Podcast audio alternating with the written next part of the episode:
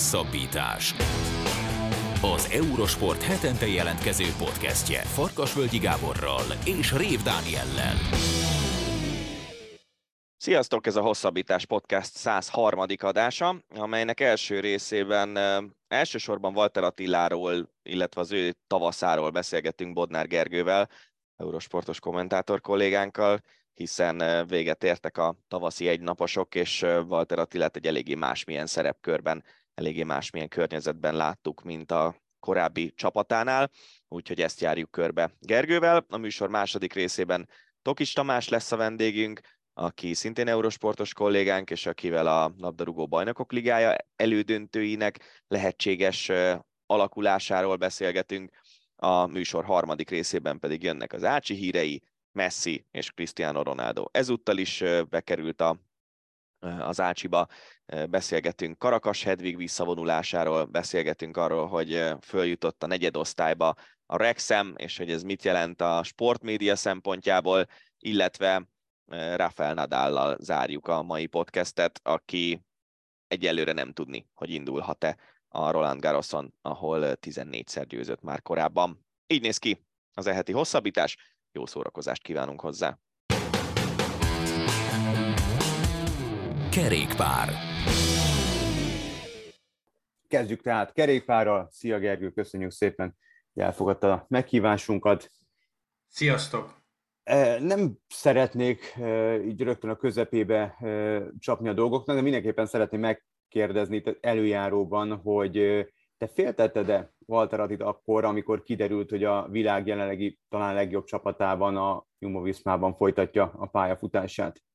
Nem féltettem abszolút, sőt, szerintem erről télen beszéltünk is. Én attól féltettem, hogy ő bekerült a világ legjobb csapatába, elég nagy megjelenést jelent ez a magyar médiában, és nem csak nálunk, mert ugye mi foglalkoztunk vele, hanem egyéb oldalakon, tévéműsorokban, újságcikkekben, neten, stb.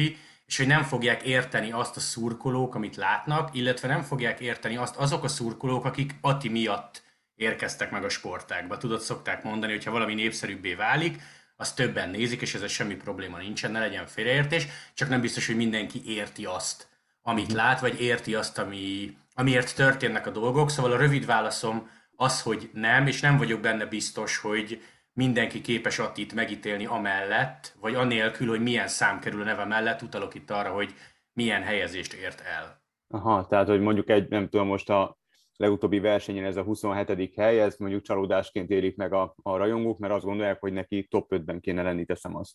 Hát figyelj, aki, aki télen azt mondta, hogy Walter Attila Jumbo Viszmához került, láttunk itt embereket, akik elkezdtek szárnyalni tavaly egyből az átigazolás után, és ha valaki győzelmet vagy dobogókat várt Attitól, akkor ő lehet, hogy csalódott. Miközben szerintem, és amúgy belemeltünk a közepébe, ugye most volt három Ardenneki egynapos egy hét alatt, Amstel Flash Liège, egyáltalán nem véletlenül vitték őt oda. Tehát pontosan tudták róla, meg Atti is tudja magáról, ezt elmondta nálunk is, hogy ereje megvan, ha neki valamibe fejlődni kell, az, hogy versenyszituációkat olvasson, plusz a helyezkedés. Ez marra könnyű egyébként mondani kívülről, hogy bicikliz az elejébe 260 kilométeren keresztül, nagyon kevesen képesek rá a mezőnybe, 3-4-5-6 ember lehet, még annyi nem is.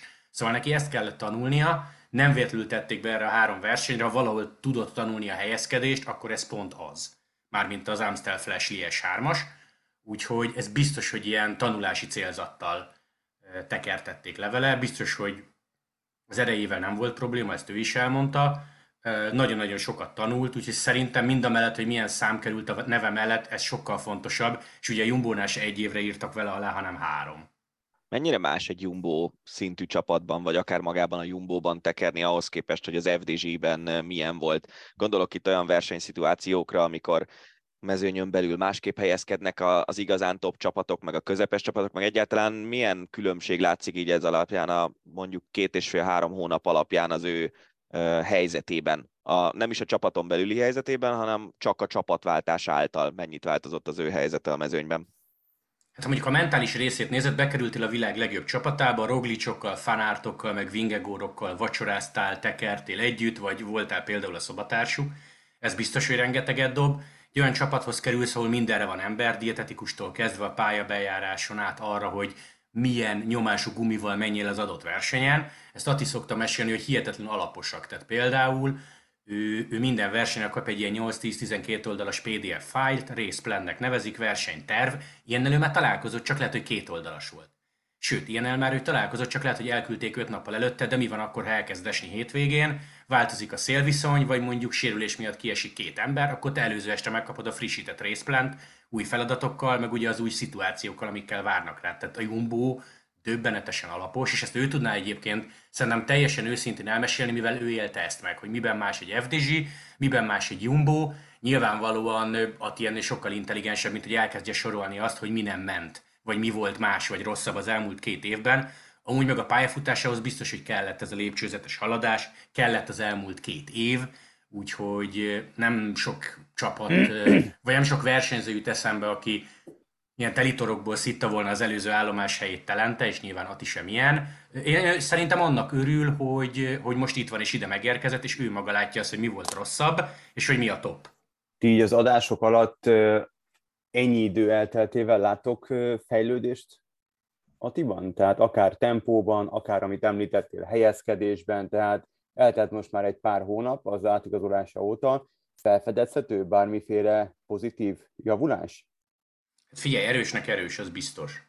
Ugye ott van az a Strade Bianchi, amikor voltak, hát idézőbe teszem problémák Benóval, még az év elején, március, vagy a szezon elején, március elején, ahol Ati bejött ötödiknek. Amúgy, ha, ha az a verseny van mondjuk most, tehát, hogy többször van ilyen szituban, és jobban ismeri Benót, akkor lehet, hogy tök máshogy alakul, hogy azt a szitut megoldják. Kérdésedre válaszolva, szerintem nem fél, tehát látták a számait, erősnek erős, ezzel nincs probléma voltak, most nyilván mindenki emlékszik két-három olyan szitúra, amikor lehet, hogy nem jól helyezkedett, klasszikus példa Flash Wallon, ha tízből indul, valószínűleg tízbe érkezik.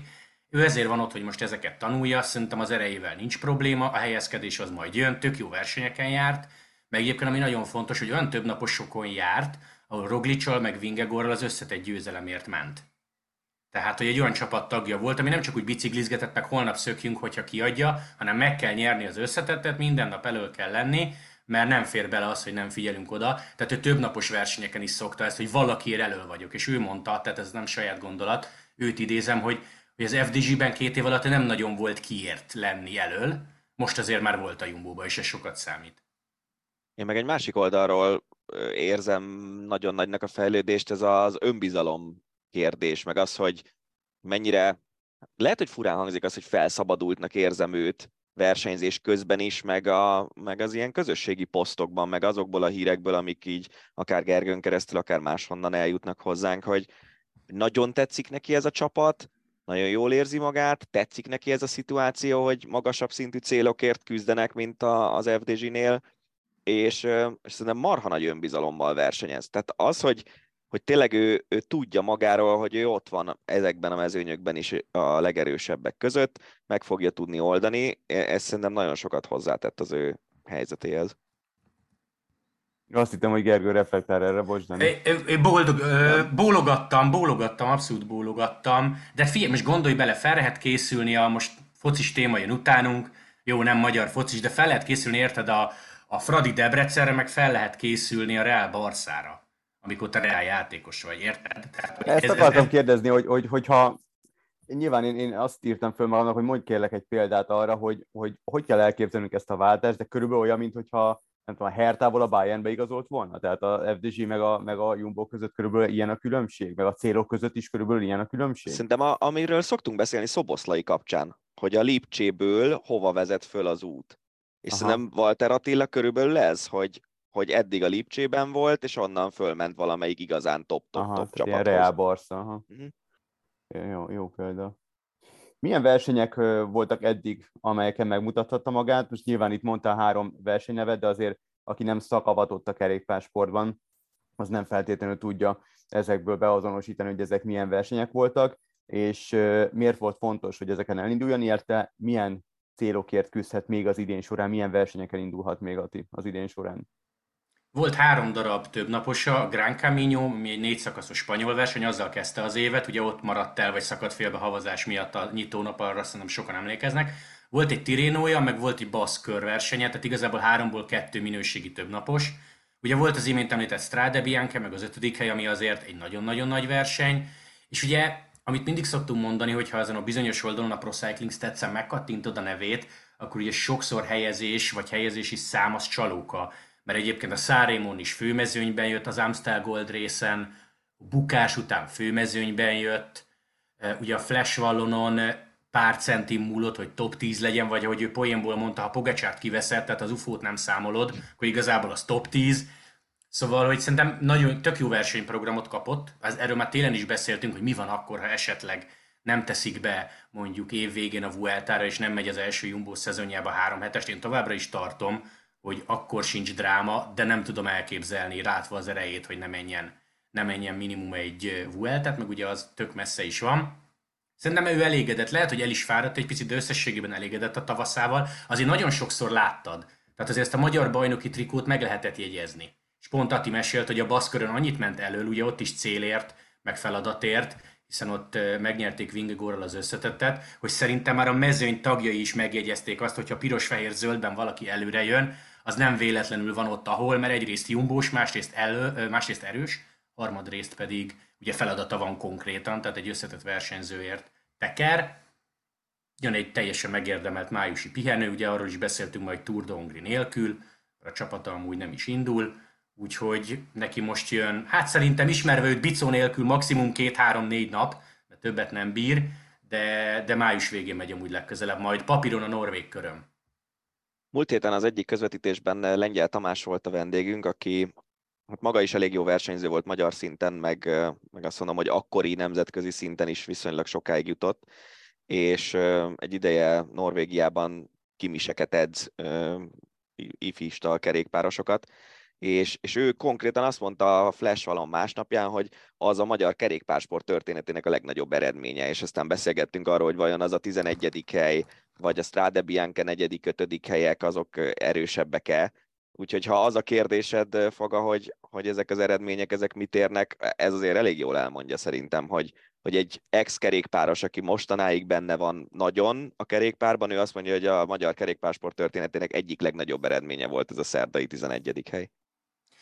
Igen, és egyébként maga Ati is válaszolt, mert direkt megkezdtem, kíváncsi voltam, hogy mit mond rá, de gyanítottam a, gyanítottam a reakcióját.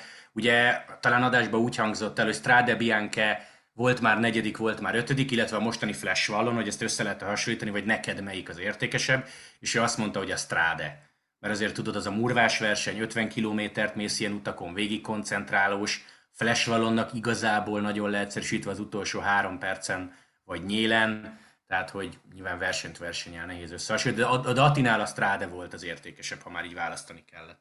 Neked, Gergő, a közvetítések mennyire változtak meg azóta, hogy ő eligazolt? Mert nagyon... Én amikor közvetítek, akkor nyilván az egy, az egy dolog, hogy odafigyelünk rá, de, de főleg nézőként láttam olyan adásokat, amikor, amikor Walter Attila versenyzett, és nagyon szembetűnő az ő jelenléte szerintem a mezőnyben a magyar bajnoki trikó miatt is, meg amiatt is, hogy mindig elől van és tudom, hogy voltak olyan nézői vélemények, amelyek keveselték azt, hogy mennyit foglalkozunk Walter Attilával, meg voltak olyanok, amelyek sokalták. Ebben az egyensúlyi helyzetben mit lehet csinálni? Igen, ezen egyébként én is mosolyogtam, mert azért van, van olyan vélemény, ami Twitteren szembe jön, és valaki egy Milánó Szárimo alatt sérelmezte a Walterozást. A Milánó Szárimónak a győztes ideje az 6 óra 25 perc volt, én direkt odafigyeltem rá, hogy háromszor kettő perces Walter blokkok legyenek a 6 óra 25 perc alatt. Ezek után valaki szerint azzal a magyar sráccal, aki a világ legjobb csapatában teker és erős sokat foglalkozunk, és nyilvánvalóan ilyen véleményekkel nem tudok mit kezdeni. Amúgy nekünk is szokni kell, én ezt már mondtam a Strade Bianca után, lehet, hogy nem is ott élesben kell a teljesítményét értékelni, hanem egy-két nap késéssel akár ilyen podcastekbe, mert nyilván azért ott el tud vinni a hév, amikor látsz valamit, és mindig jobb egyet-kettőt aludni rá. Nagyon sokszor jobb megkérdezni Atit, mert te így látsz valamit, ő úgy lát valamit, vagy nem látod, hogy miért történik egy bizonyos szituáció.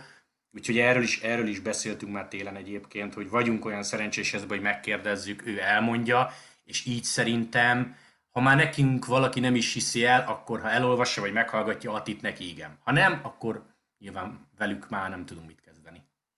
Azért eléggé régóta kapcsolatban vagytok vele, változott bármennyit is? Tehát nyilván nem arra gondolok, hogy, hogy nagy képület vagy bármi, mert egyszer-kétszer bejött az Eurósportba, és nekem is volt szerencsém vele találkozni, egy végtelenül szerény, nagyon, nagyon nyitott ö, ö, ember benyomását keltette, de hogyha azt nézzük, hogy nyilván egy, egy top csapatba igazolt, igazából a top-top csapatba igazolt, és megnövekedtek a feladatai, az elvárások is vele szemben, nyilván a stressz is jócskán megemelkedett az életében, a stressz szintje. Változott ő bármit, vagy ugyanaz?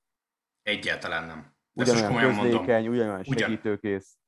Aztán... Nagy képűségnek semmi jele, de amúgy én, am, amit olvastam vagy hallottam ilyen kerékpáros sztárokról, most nyilván Ati még nem az a szint, hogy Nibali, Valverde, Van Der Poel, Fanart, vagy Vingegor, aki például hetekig a szopatársa volt edzőtáborban télen, én senkiről nem hallottam még, hogy, hogy ilyen nagyon nagy képű lenne privátban. Sokkal inkább tudod, ezek a kicsit középszerű versenyzők, akik Aha. azt gondolják magukról, hogy ilyen mez van rajtuk, és bármit megtehetnek. Én nem hallottam még nagy sztárról, róla abszolút nem tudnám ezt elmondani, sőt, sőt, sőt, meg én már többször találkoztam vele privátból, teljesen más dolgokról beszéltünk, és ott is, abban is. Marha jól látja a világot, jól nevelt srác, de most figyelj, olvasod a posztjait, hallgatod nálunk, vagy elolvasod csak angolul azt, hogy miket válaszol bizonyos felvetésekre, szerintem abból lejön, hogy ő milyen. És szerintem viszonylag rövid időn belül fel fogják fedezni a, a nemzetközi sajtóban is, hogy ezt a srácot érdemes kérdezgetni, mert választékosan nyilatkozik, érdekes dolgokat mond angolul is, úgyhogy ez nagyon, talán inkább egy kicsit a mi hozzáállásunk változott, vagy legalábbis én azt érzem, hogy, hogy mondjuk két-három évvel ezelőtt még nyugodtabban írtunk neki privátban, kérdezgettünk tőle, stb. stb. De, de ahogy egyre profibbá válik az ő élete, meg egyre magasabb szintre jut, úgy egyre inkább érezzük azt, hogy most egy ilyen kérdés miatt nem fogok ráírni, mert miért zaklassam őt fölöslegesen. Igen, egyébként ilyenek vannak, de amúgy meg, ha odaírod elé, hogy figyelj, jött adás közben 15 kérdés ezzel kapcsolatban, klasszikus példa, a baszkör után rengetegen írták azt, hogy úristen, ha így megy, ráadásul Vingegorra jóba van, akkor nem lehet, hogy bedumálják a túr keretbe? És én direkt megkérdeztem Attit, mert ne én válaszoljak, hanem ő is. Mondtam neki, hogy figyelj, rengeteg ilyen kérdés van, mondd már el, hogy mit gondolsz róla. Aki nem olvasta a cikket, olvassa el, mert gyönyörűen összefoglalta és elmondta, hogy miért nem túr. Nyilván örülne neki, meg azért dolgozik, de, de szerintem vannak szituk, amikor, meg vannak kérdések, amiket fel kell tenni neki. Mert ha te tudod magadba a választ, de az embereket érdekli, akkor ismerjük, rá lehet írni, kérdezzük meg. És simán reagált, tök, sőt, tök jót mondott. Ha, ha nem túr, akkor, akkor melyik három hetes lehet? Az általad már korábban említett Vuelta, tehát a Giron sem? Giron az biztos nem azt, hogy már télen mondta, látta, meg ugye oda már ki is jött a keret, nem is olyan volt a tavasza, tehát ő most ugye májust végig piheni. A... Csalódásként éri meg általában egy, egy bringás, vagy, vagy nyilván józan, józanéz diktál, és tudja nagyon jól, hogy mi miért történik. Ő tudja, meg figyelj, ha valahol elhiszed, akkor a Jumbónál elhiszed. Focis példánál voltunk, eddig egy Bundesliga középcsapatban voltál, oda kerülsz a Reálba, elhiszed a dietetikusnak, elhiszed az erőléti edzőnek, mm. elhiszed a saját edződnek, amikor mondjuk vezetitek a bajnokságot, és ti vagytok a világ legjobb, csak elhiszed. Mert nem véletlenül tartanak ott, ahol Ati is ugyanebben van. Azt mondta, hogy örült a programjának, elsőre lehet, hogy furcsálta, de figyelj, ment már három Giro, Giro sorozatba.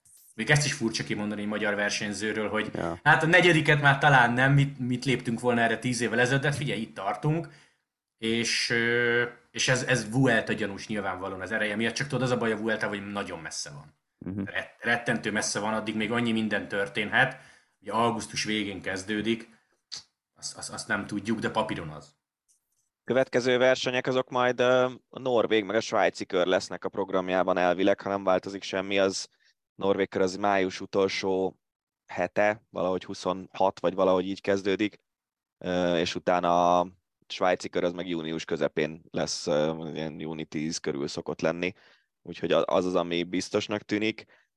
És egyébként a Vueltával kapcsolatban még egy ilyen zárójeles kitétel, hogy a Vuelta alatt vannak viszonylag fontos egynapos versenyek, kettő Kanadában, egy Franciaországban, egy Németországban, és azoknak az útvonala is olyan, hogy főleg a kanadai, aki az fekszik eléggé Atinak, úgyhogy még akár az is elképzelhető, hogy ha a Vuelte csapat amúgy megvan nélküle, akkor inkább Kanadába küldik el. Tehát azért a Jumbo-nál ott, ott majd, hogy nem minden versenyre olyan csapatot akarnak küldeni, amelyik nyerni tud, vagy nyerni akar. Nem nagyon szoktak így elblitzelni World Tour versenyeket. Lehet egyébként, csak ne, nem tudom, nem, most nyilván nem tudok én itt a szurkolók meg a kerékpárt követők nevébe beszélni. Biztos vagyok benne, hogy most ha minden héten összeülünk, és elmondjuk 15-ször, hogy ne éld meg csalódásként, ha Walter nem vueltázik, mindenki csalódásként fogja megélni. Mert a, szerintem a magyar közgondolkodásban van egy olyan, hogy a három hetesek számítanak. Tour, Giro, Vuelta a harmadik, bár ugye ezt is, ezt is tárgyaltuk majd. Nem biztos, hogy színvonalban a Vuelta minden évben, vagy mondjuk az elmúlt tíz évet nézed állandóan harmadik volt. Szóval csomó minden történhet még addig. Ugye Vingegor túrt szeretne nyerni, ha, val, ha valami, valami rossz következik ott be vele, akkor ugye, akkor ugye Vueltázhat, sőt Atinak volt egy olyan félmondat, hogy valószínűleg Jonasszal megyek a Vueltára, tehát szerintem ezt már ideális esetben így, így tervezik. Ez az első éve. Ha nem megy most Vueltát, akkor megy majd jövőre. Nincs itt probléma, három éves szerződéssel rendelkezik, és elégedettek vele, szerintem ez a legfontosabb. Elégedettek vele. Most itt húzol egy vonalat, április 23-mal, és biztos vagyok benne, sőt, ez el is hangzott kérdés formájában hozzá, hogy szerinted meglepődtek-e rajtad, és azt mondta Ati, hogy igen, sőt, talán a Jumbo vezetői még jobban is bíztak benne, mint ő saját magába, és szerintem ez a legfontosabb mondata, vagy a legfontosabb mondata tavaszáról. És egyébként a szezon hátra lévő részére te gondolkoztál már, hogy milyen forgatókönyvek jöhetnek? Mi az, ami ilyen csúcs szuper, hogy mondjuk megvan az első World Tour győzelem, vagy ilyesmi, és mi az, ami kicsi csalódás lenne így a tavasz kapcsán? Szerintem, ha ő mondjuk tegyük fel, Lombardián fejezi be megint az idényt, október elején, közepén, és azt mondja, hogy rengeteget fejlődtem, és lehet, hogy nem nyertem, de sokkal jobb versenyzővé váltam, akkor én ott azt mondom, hogy oké. Okay. Nem, az első évét nem biztos, hogy számszerűsíteném, mind a mellett, ha azt kérdeznéd, hogy szokásommal ellentétben fogadnék arra, hogy nyer idén, akkor lehet, hogy nagyobb pénzt tennék arra, hogy igen. Gergő, nagyon szépen köszönjük, hogy a rendelkezésünkre álltál, lejárt a műsor első részének a, az ideje. Walter Attiláról és uh, Ati tavaszi teljesítményéről beszélgettünk Bodnár Gergővel, az Eurosport kerékpár kommentátorával. Labdarúgás Kialakultak a Bajnokok Ligája elődöntőjének párosításai, és ezt beszéljük majd ki Tokics Tamással, az Eurosport kommentátorával és a Magical Magyar Podcast társ műsorvezetőjével. Hát ha első blikre, szia Tomi, bocsánat, köszönjük szépen, hogy elfogadtad a meghívásunkat. Hogyha első blikre megnézzük az ágrajzot, a táblázatot, akkor azért némiképp meglepő, hogy két olasz csapat jutott a legjobb négy közé, ráadásul két olyan olasz csapat, amely hát még az sem biztos, hogy dobogón zárja majd az idei bajnoki évet a hazájában, de ha még tovább vizsgálgatjuk ezt az egész táblázatos akkor azért is meglepő, mert hogy nem a jelenlegi legjobb olasz csapat jutott a legjobb négybe, gondolok itt a Napolira, úgy az Inter majd városi riválisával, az AC Milánnal játszik, az alsó ágon a döntőbe jutásért, a felső ágon pedig, hát sokan azt mondják, hogy előrehozott döntőt rendeznek a Real Madrid és a Manchester City részvételével. Te hogy látod a legjobb négynek a mezőnyét? És azt is tegyük hozzá egyébként, hogy az olasz csapatok öt csapatot tudnak küldeni, vagy az olaszok öt csapatot tudnak delegálni a három európai kopasorozat elődöntőibe, hiszen az Európa Ligában a Juventus és a Róma áll, míg az Európa Konferencia Ligában a Fiorentina jutott el a legjobb négyig. Azt viszont azért túlzás lenne mondani, hogy az olasz labdarúgás aranykorszaka az most fog visszajönni az elkövetkezendő időszakban. Önmagában, ha megnézzük a két csapat sorsolását, itt most kifejezetten az Interre és a Milánra gondolok, azért az Inter a Portót és a Benficát kellett, hogy legyőzze az egyenes kieséses szakaszban, még a Milán ugye a Tatanemmel kezdett, aztán pedig a Napolit sikerült. Ha mondjuk például a Napoli elleni párharcát vizsgáljuk a Milánnak, akkor az lejött, hogy szerintem Pioli, Pioli és a csapata képes tökéletesen elrontani mások játékát, és azért, ha megnézzük a nemzetközi futballnak a tendenciáját, akkor bizony azok a csapatok tudnak ilyen Európa Liga, Bajnokok Ligája, vagy akár uh, tényleg itt világbajnokságot is lehetne említeni, tehát amikor egyenes kieséses szakasz van, és egy-egy, vagy, vagy egy, egy, egy-egy mérkőzés, vagy egy párharc dönt a továbbjutásról, akkor ezek a csapatok képesek lehetnek elmenni a döntőig, és, és rövid távon sikeres, sikeresek tudnak lenni. Na most nyilván a bajnokság az más helyzet, az Inter nem véletlenül áll mondjuk az 5.-6. pozícióban az Interrel egyetemben, hiszen vannak náluk sokkal jobb teljesítményt nyújtó csapatok a az olasz bajnokság, gondolok itt akár a Napolira, akár itt a Láció is, hogyha támadó játékot tekintünk. A másik ágon meg félig meddig a papírforma jött be, hiszen a Real Madrid megint ott van a legjobb négy között, és eddig azt kell mondjam, hogy Pep Guardiola még, még nem kezdett el túl gondolni dolgokat, és, és ennek köszönhető az, hogy például a Bayern München kifejezetten simán tudták búcsúztatni a negyed döntőben. Beszéljünk már erről a túlgondolás kérdésről, mert ez egy, ez egy érdekes, ugye a maga a megfogalmazásod is nyilván arra utalt, hogy ez Guardiolával szemben az egyik ilyen fő, hát fő beszédtéma, mondjuk így, hogy bizonyos szituációkban ilyen oda-visszavágós párharcokat kvázi elront azzal, hogy túl gondol taktikai felállásokat, meg túl gondol taktikai lehetőségeket, hogy az ellenfél húzásaira mit lehet reagálni, de ő maga meg arra, vagy azt mondja ezzel kapcsolatban, hogy ha nem gondolkodna annyit a focinak, akkor nem lennének annyira sikeresek a csapatai. Hogy ez tényleg egy létező dolog, hogy Guardiola néha túlbonyolítja a csapat a taktikáját, vagy túlságosan, túlságosan sokat agyal azon, hogy mit lehetne az ellenfélel kezdeni, és egyszerűbb játékkal a csapatai eredményesek lennének, vagy eredményesebbek pontosabban, vagy ez egy ilyen foci közhelyé kezd válni, hogy Guardiola túl gondolkodik mindent. Nagyjából 200-300 évvel ezelőtt az ilyen típusú embereket, mint Pep Guardiola, ilyen háborúkban használták, és ilyen taktikai hadvezérek voltak mondjuk egy-egy hadseregnél. Guardiola is egy, egy rendkívül okos pasas, és szerintem a labdarúgásra ő nem játékként gondol, hanem mint egy filozófiai témakör, vagy egy művészet. És ahhoz, hogy bizonyos szinten ő sikeres tudjon lenni, ahhoz dolgokat túl kell gondolni, és ebből a hibákból tanulnia kell a Manchester City edzőjeként. Na most a leg, számomra a legfrissebb élmény ezzel kapcsolatban az a két évvel ezelőtti bajnokok ligája döntő, amikor úgy döntött, hogy hatos nélkül megy fel a pályára, és Fernandinho meg Rodri is a kispadon kezdett a Chelsea elleni döntőben. Láss csodát, Kevin De Bruyne megsérült a 30. percen, és onnantól kezdve a City nem tudott dominálni azon a mérkőzésen a Chelsea ellen.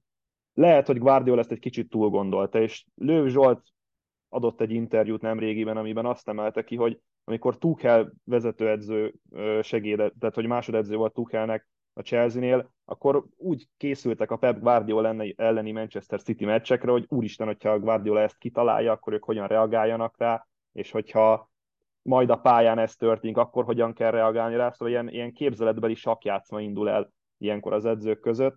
Guardiolával az a helyzet, hogy annyira erős kerete van most a Manchester Citynek, és annyira klappol minden, hogy szerintem nem kell belenyúlnia ebbe a csapatba, és talán ő is érzi ezt. Viszont jön az ellenfél, majd a Real Madrid, amely ellen tavaly ilyen teljesen érthetetlen, meg, meg mondom a futball metodikájával összeegyeztetetlen módon esett ki a, a Manchester City, ugye a hosszabbításon kapott két gólt, vagy a 90. perc után kapott két gólt a Manchester City, amivel kiesett.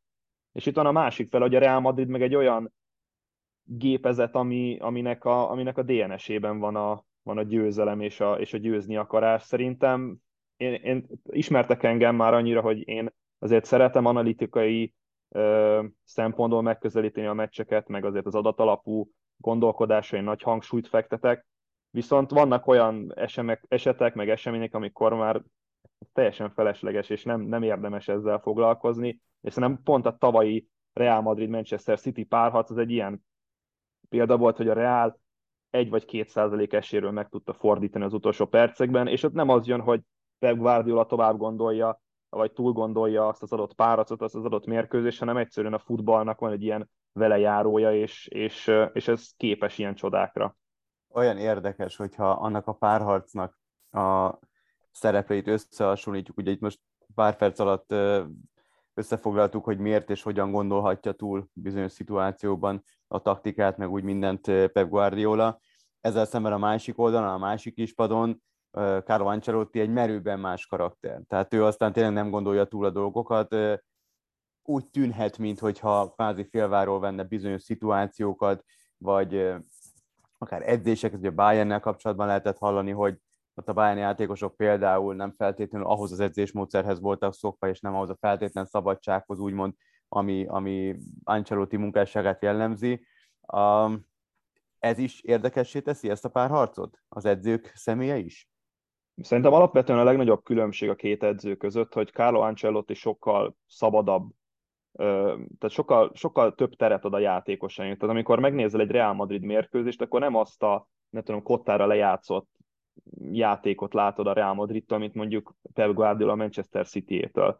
Tehát e, ez a, ez a legnagyobb különbség talán a két edző között, hogy Guardiolánál a terv az egy, az egy külön szinten van, mint mondjuk Carlo Ancelotti-nál, aki megadja a játékosainak a szabadságot, és képes előlépni egy Vinicius Junior, aki az egyéni kvalitásaira tud építeni egy, egy-egy mérkőzésen, és ebből tud profitálni a Real Madrid. Vagy akár a középpályán Kroos, Modric megkapja azt a szabadságot, hogy bátran támadhatnak, bátran adhatnak kulcspasszokat, és ezek a játékosok az esetek 90%-ában jó döntést hoznak mondjuk az ellenfél támadó harmadában, és helyzeteket tudnak kialakítani. Még hogyha nem is lesz gól, a, a labdarúgásban szerintem van egy ilyen, egy ilyen mentális hatás, hatása ezeknek az akcióknak, hogyha helyzetet tudsz kialakítani, akkor az ellenfélnek ott lesz a félsz majd a hátában, hogy úristen helyzetet alakítottak ki egyszer, akkor majd következő alkalommal is helyzetet fognak kialakítani. Míg azért Guardiolánál pont nemrég láttam egy Thierry Henry videót, amiben a, mm, talán a Gary Linekeréknek beszélget arról, hogy volt egy Sporting Lisszabon elleni bajnokok ligai csoportmérkőzés, és akkor Guardiolnak volt a három P-s felfogás, ez a plan, possession and position, tehát a pozíciós játék, a labdabirtoklás és a terv, abból a mesterv. És Thierry Ari elkezdett üres területekbe rohangálni, kiment a pozíciójából, messzivel elkezdett kényszerítőzgetni, az ő góljával vezettek a Sporting ellen, és lecseréltek Guardiola a szünetben Thierry Henry-t. És ekkor tudatosított benne azt, hogy, hogy a terv az mindennél fontosabb. És azért én azt érzem, hogy Guardiolánál azért már történt előrelépés ebből a szempontból, és nem a tervéhez igazítja a játékos keretet, hanem a játékos kerethez igazítja a saját tervét. És szerintem ezért tud ennyire jó lenni most a City ebben a bajnokok ligája idényben, és ezért tudta lesimázni a Bayern München elleni párharcot, mert képes volt igazodni Guardiola egy Erling Haalandhoz, képes volt igazodni ahhoz, hogy Jack Grealish sokkal több szabadságot kapott az utóbbi időszakban, és a játéka az abszolút pozitív irányba indult el, meg tudja azt húzni, hogy John Stones például a középpályára tagozódik be egy labdabirtoklásnál, úgyhogy én azt érzem, hogy Guardiola lépett előre ebben a, ebben a formátumban, az mondjuk más kérdés, hogy sikeresebb lesz ezzel, és nem, nem bukik el megint mondjuk az utolsó vagy utolsó előtti lépcsőfokon. Ha a két csapat támadójátékában egy-egy párharcot kéne kiemelned, hogy hol verhető meg az ellenfél, akkor mit mondanál Real szemüvegen, meg City szemüvegen keresztül? Nagyon nehéz a City, Cityvel kapcsolatban mondanom negatívumot, mert mind Natanake, mind Manuel Akanji nagyon, nagyon keveset hibázik az elmúlt időben, és ők azért ilyen negatív pontok voltak eddig a, a Manchester City védekezésében. Ha talán kellene mondanom olyan, olyan területet mondjuk a City-nél, az a baloldal, ahol, ahol lehetne esetleg keresni valója a Real Madridnak, viszont itt jön az, hogy ugye Vinicius Junior is inkább a baloldalról szokott indulni, hogyha ha most így hirtelen jól emlékszem a Real Madridban. Míg a Realnál meg egyszerűen egy olyan, tehát alapból ugye a támadó szellemű szélsővédőkről beszélünk, tehát ott mind a két oldala támadható területekben a Real Madridnak, csak szerintem Ancelotti egy sokkal konzervatívabb edző ebből a szempontból, és hogyha tudja, hogy mondjuk egy Manchester City ellen kell játszani, akkor egyik szélső hátvédjét sem fogja minden áron támadtatni. Talán ezek lehetnek a, a, a kulcsmomentumai, meg kulcsfontosságú pillanatai majd ennek a párharcnak, de, de én sokkal inkább egy, egy, egy nagyon egy 180 perces sakjátszmát várok a két ö, edzőtől, és szerintem egy, egy nem az, hogy előrehozott döntőket fogunk látni, de taktikai, meg, meg, meg mondom edzőfilozófiai szempontból egy ilyen talán két kicsit ellentétes pólust fogunk meglátni majd a, a két elődöntőben. Kik lehetnek a kulcsfigurái ennek a párharcnak? Aztán majd ugyanez nyilvánvalóan a Milánói derbivel is kapcsolatban, kapcsolatos ez a kérdés. Hát, hogyha a City Real párharcot kellene elemezni, akkor, akkor szerintem Vinicius Junior és Benzema szinergiája a Real Madridnál, illetve hogy milyen támogatást tudnak kapni a többiektől a City-nél meg, meg igazából nem nagyon tudok kiemelni senkit. Tehát, hogyha nem megy Hollandnak, akkor megy Kevin De Bruyne-nek, van egy, jön egy Rodri átlövés, vagy, vagy Jack Grealish jön elő a, a kalapból, vagy Riyad Mahrez, tehát nagyon nagyon sokszínű a, a, a támadójátéka a Manchester Citynek, és akármennyire is az jön le a statisztikai mutatókból, hogy azért tehát Holland rúg, nem tudom, 40 gólt egy bajnoki idényben, és akkor úristen, ez most milyen elképesztő számnak hangzik, de egyébként például Julian Alvarezzel jobban működik, vagy jobban néz ki a pályán ez a Manchester City. És ez, és ez szerintem egy nagyon érdekes dolog, hogy mondjuk lehet, hogy Alvarez hosszabb távon akár hasznosabb tagja lehet egy Guardiola féle Manchester Citynek, mint Erling Braut Holland. Ha a milánói derbit nézzük, szerintem szerintem a Rafael Leao lesz a, lesz a legnagyobb kulcspont, és, és a bal oldala a Milánnak, ugye Teo Hernandezzel. Azt láthattuk a Napoli ellen is, hogy egy 80 méteres sprintet levágott labdaszerzés után majd hibátlanul centerezett Zsirunak. Mondom, a Milán, Milán jó abban, hogy el tudja rontani egyes csapatok játékát, de hogyha megnézzük a legutóbbi két egymás elleni meccsüket az Interrel, akkor a Superkupa döntőben az Inter úgy nyert 3-2-re, hogy nagyon keveset birtokolták a labdát, és, és reaktív futballt játszottak, még a legutóbbi mérkőzésüket úgy nyerte meg egy nullára az Inter, hogy náluk volt sokkal többet a labda. Úgyhogy eddig, ha tényleg a legutóbbi két meccsüket és az idei két meccsüket vizsgáljuk, akkor Inzági meg tudta verni kétszer Piolit úgy, hogy mind reaktív, mind proaktív futballban felül tudta múlni őt.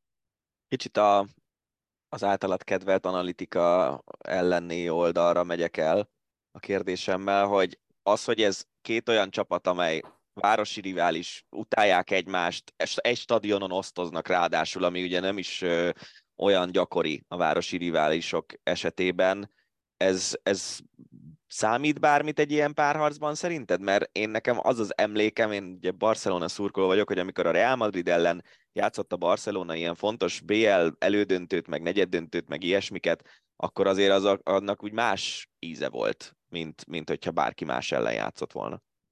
Nyilván a városi rivalizmus, meg a, meg a két csapat közötti ellentét, azt tudja egy újabb szintre emelni a párharcot, és emiatt lehet, hogy talán a, a szabálytalanságok számában, vagy akár a, a nem tudom, a sárgalapok, piros lapok számában egy beszédesebb ö, mérkőzésről tudunk majd beszélni, meg, meg tehát, hogy több lesz majd az elkövetett szabálytalanság adott esetben ezeken a mérkőzéseken, de én szerintem más hatása nagyon nem lehet igazából a játékra. A, a szurkolók mindig egy plusz löketet adnak, én ezt saját magamon tapasztaltam itt a megyei szinten, amikor teljesen más volt játszani 5 néző előtt, meg teljesen más volt játszani mondjuk 150 néző előtt, és ezért sokkal hogy mondja, én, én mondjuk a 150 néző előtt sokkal keményebben belementem mondjuk egy 50-50-es párharcba, amikor 5 néző volt kint, akkor meg lehet, hogy nem mentem bele abba az 50-50-es párharcba.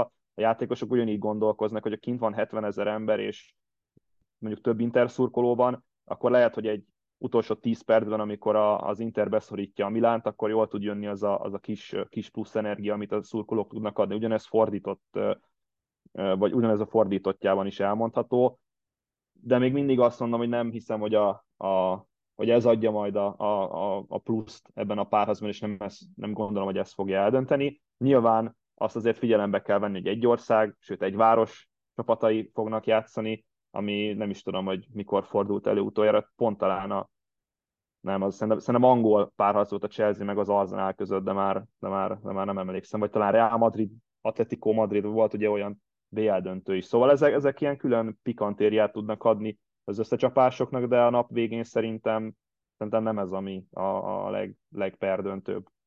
Hogyha ezt a négyest nézzük, akkor bármiféle esélylatolgatásnak van értelme, vagy úgy unblock egy ilyen bajnokok ligája szintű sorozat végjátékában már az esélyesség az, az valami kevés jelent. Meg kell nézni a két elődöntős páratot, és utána lehet szerint szerintem következtetés levonni.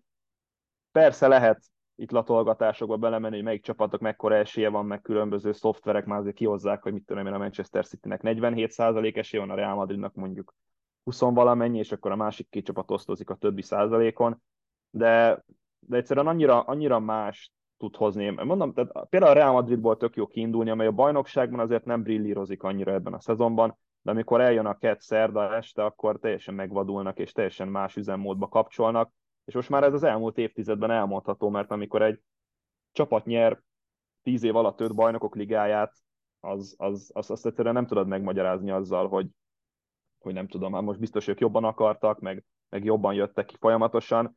Egy olyan dinasztia épült a Real Madridnál például, ami, ami, ami szerintem példátlan a modern labdarúgásban, ugyanúgy lehet említeni a Manchester City mellett is szól az, hogy hát Pep Guardiola, ott van Holland, mi, micsoda játékot mutat megint a, a Manchester City, akkor az Inter mellett le lehet tenni azt, hogy ha megverik a városi riválist, akkor eljutnak újra a döntőbe 2010 után. Milánnál meg ott van, hogy amit, amit említettem a, a, a felvétel elején, hogy el tudják rontani bárkinek a játékát. Hogyha el tudják kétszer rontani a Napolinak, el tudják kétszer rontani az Internek, és bejutnak a döntőbe, akkor el tudják rontani a Real Madridnak vagy a Manchester City-nek is a játékát, és tényleg, hogyha ránézünk a nemzetközi futball trendjére, akár mondjuk a magyar válogatott teljesítményét elemezve, akkor eljön az, hogy igen, egy csapat egy adott mérkőzésen a jobb meccs tervel jön össze, és még azt mondom, hogy a pályán is úgy alakul minden, ahogy eltervezték, akkor, akkor meg tudják nyerni azt a találkozót, vagy legalábbis olyan eredményt érnek el, ami, ami siker az ő szemszögükből.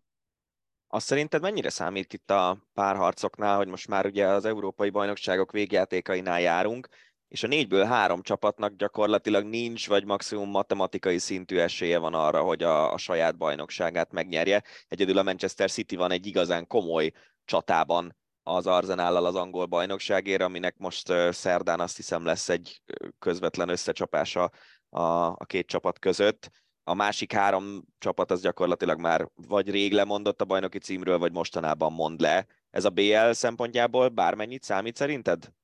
Az Internek és a Milánnak biztosan nagyon sokat számít az, hogy megnyerjék a bajnokok ligáját, mert jelen állás szerint még, még a Róma is előttük van. Ráadásul a felvétel napján játszik a Róma az Atalantával, amely, hogyha nyer, akkor három pont előnybe kerül az Interrel és a, a Milánnal szemben negyedik helyért folytatott versenyfutás nézve, hogy nekik mindenképpen kiemelt fontosságú a bajnokok ligája, meg kell nyerni a, meg kell nyerni a bajnokok ligáját ahhoz, hogy jövőre BL-ben tudjanak indulni.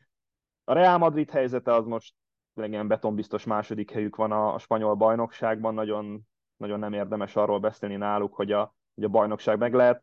Megnyerték a bajnokok ligáját már tényleg öt alkalommal az elmúlt tíz évben, úgyhogy nekik mindig ez a cél, hogy megvédj, most adott esetben megvédjék a BL címüket.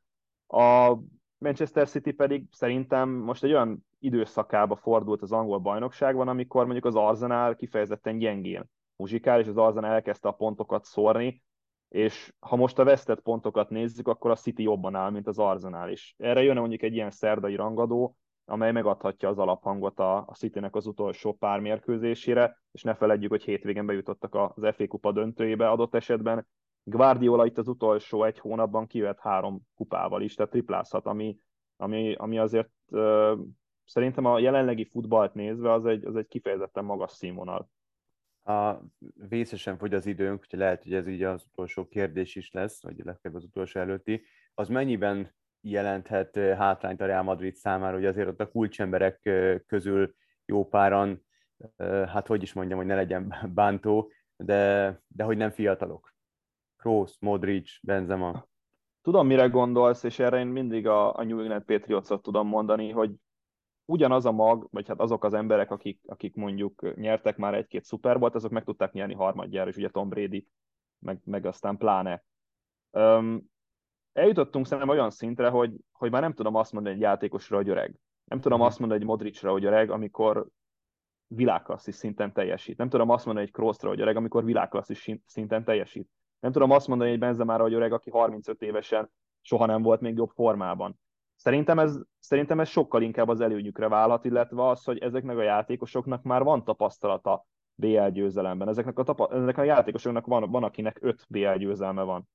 Tehát azért, azért ez nagyon-nagyon sokat számít egy olyan párharcban, amikor mondjuk összekerülsz az Interrel, ahol az Inter keretében van kettő vagy három, vagy a Milán keretében van kettő vagy három olyan játékos, aki nyert BL-t, vagy játszott BL döntőt.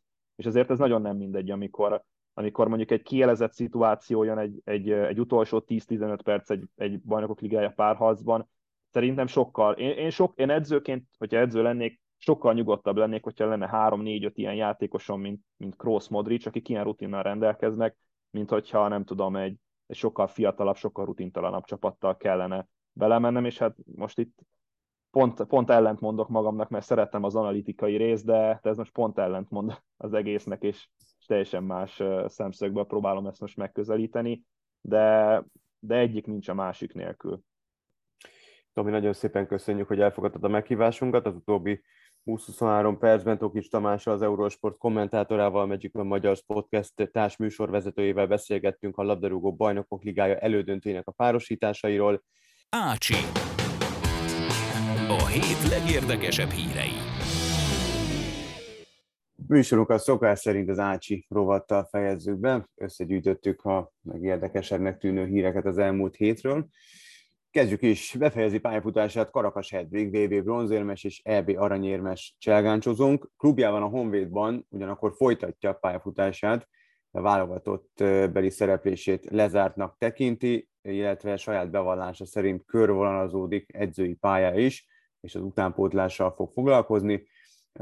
Egyrészt nyilván egy nagyon sikeres pályafutás fejeződik be ezáltal, viszont más területen kamatoztathatja majd a hosszú évek alatt megszerzett tudását. Ami nekem nagyon tetszett és nagyon szimpatikus volt a nyilatkozatában, hogy beszélt arról, hogy, hogy ő természetesen az élsport mellett komoly hangsúlyt fektetett a tanulmányaira is, és itt most idézem, a sport mellett nagy hangsúlyt fektettem a tanulmányaimra is, a testnevelési egyetemen alapdiplomát szereztem sportszervező szakon, majd mesterdiplomát csinálja jelenleg, posztgraduális képzésen nemzetközi kapcsolatok és sportdiplomáciai szakon is lediplomázott, majd középfokú judo szakedzői végzettsége is le.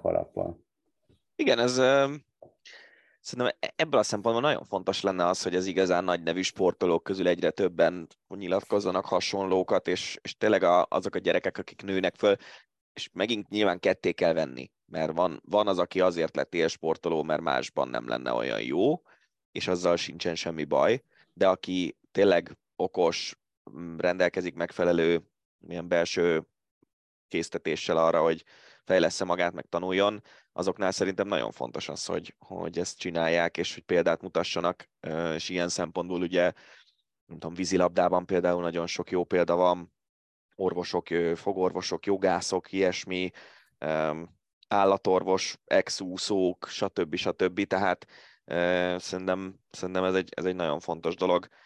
Én, én azon gondolkoztam így Karakas Hedvig visszavonulása kapcsán, hogy, hogy mennyire érdekes azért az, hogy, hogy az ő ismertsége mennyivel nagyobb attól, ahogy kinéz. Tehát, hogy egy csinos női sportolót még mindig sokkal többen vesznek észre olyanok is, akik nem foglalkoznak sporttal. És, és mennyire sokat számít az, hogy valaki hogy néz ki, abban, hogy ő mennyire lesz egy sportrajongókon túl is ismert név az adott országban. És, és ezen sokat szoktam gondolkodni, hogy, hogy hát nem tudom, kit mondjak példának, Anna Kurnikova emlékszel rá biztosan, ő nem sokkal ismertebb volt annál, mint amilyen egy átlagos top 20-as teniszező lett volna.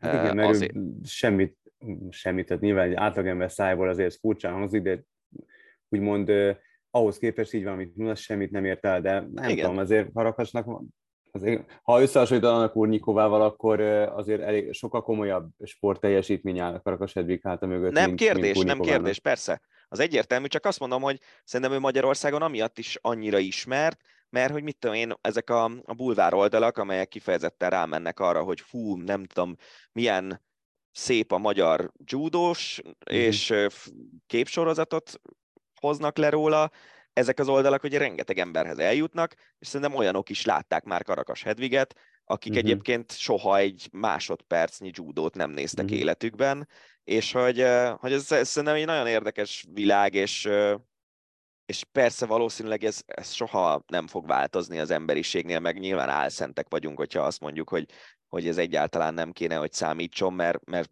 bármire az ember, ha ránéz, egy tárgyra, egy emberre, egy autóra, azt veszi észre, ami neki jobban tetszik, tehát ez szerintem egy teljesen természetes dolog, de, de közben meg, közben meg ez szerintem egy nagyon érdekes, érdekes aspektusa az élsportnak, hogy, hogy ezek az emberek egy csomószor a, a közösségi oldalaikon azért ilyen eléggé a nyilvánosság előtt élik az életüket, és, és hogy mekkora különbség van ebben, hogy, hogy lehet, hogy, ugy, ugyanezt az eredménysort lehozta volna úgy Karakas Hedvig, hogy kb. senki nem ismeri, hogyha nem lenne egyébként még a rendkívüli cselgáncsos képességein túl csinos is mellé.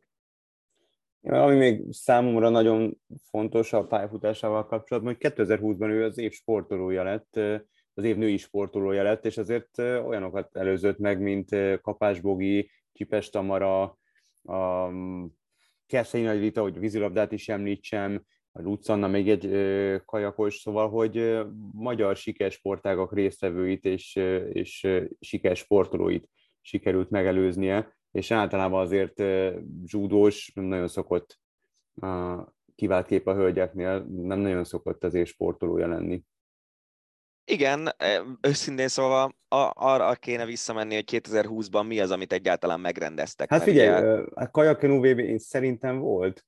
Én nem a... tudom, de nem, nem is ezt akarom kihozni, hogy érdemtelenül kapta volna meg, vagy ilyesmi, de csak lehet, is, hogy, hogy lehet, hogy egy olimpiai évben sokkal kisebb uh-huh. eséllyel indul, még hogyha mondjuk Azt olimpiai bajnok is lett volna. Uh-huh. Mert, mert ott azért ugye könnyebb talán egy fokkal választani. De nem, tényleg nem akarom ezt kisebbíteni, ezt az érdemét, vagy ilyesmi, de, de én már őszintén szóval nem uh-huh. emlékszem, hogy 2020-ban mi, mik, mi, mi az, ami döntött mondjuk a legjobb női sportolóknál, pedig biztos foglalkoztunk ezzel akkor.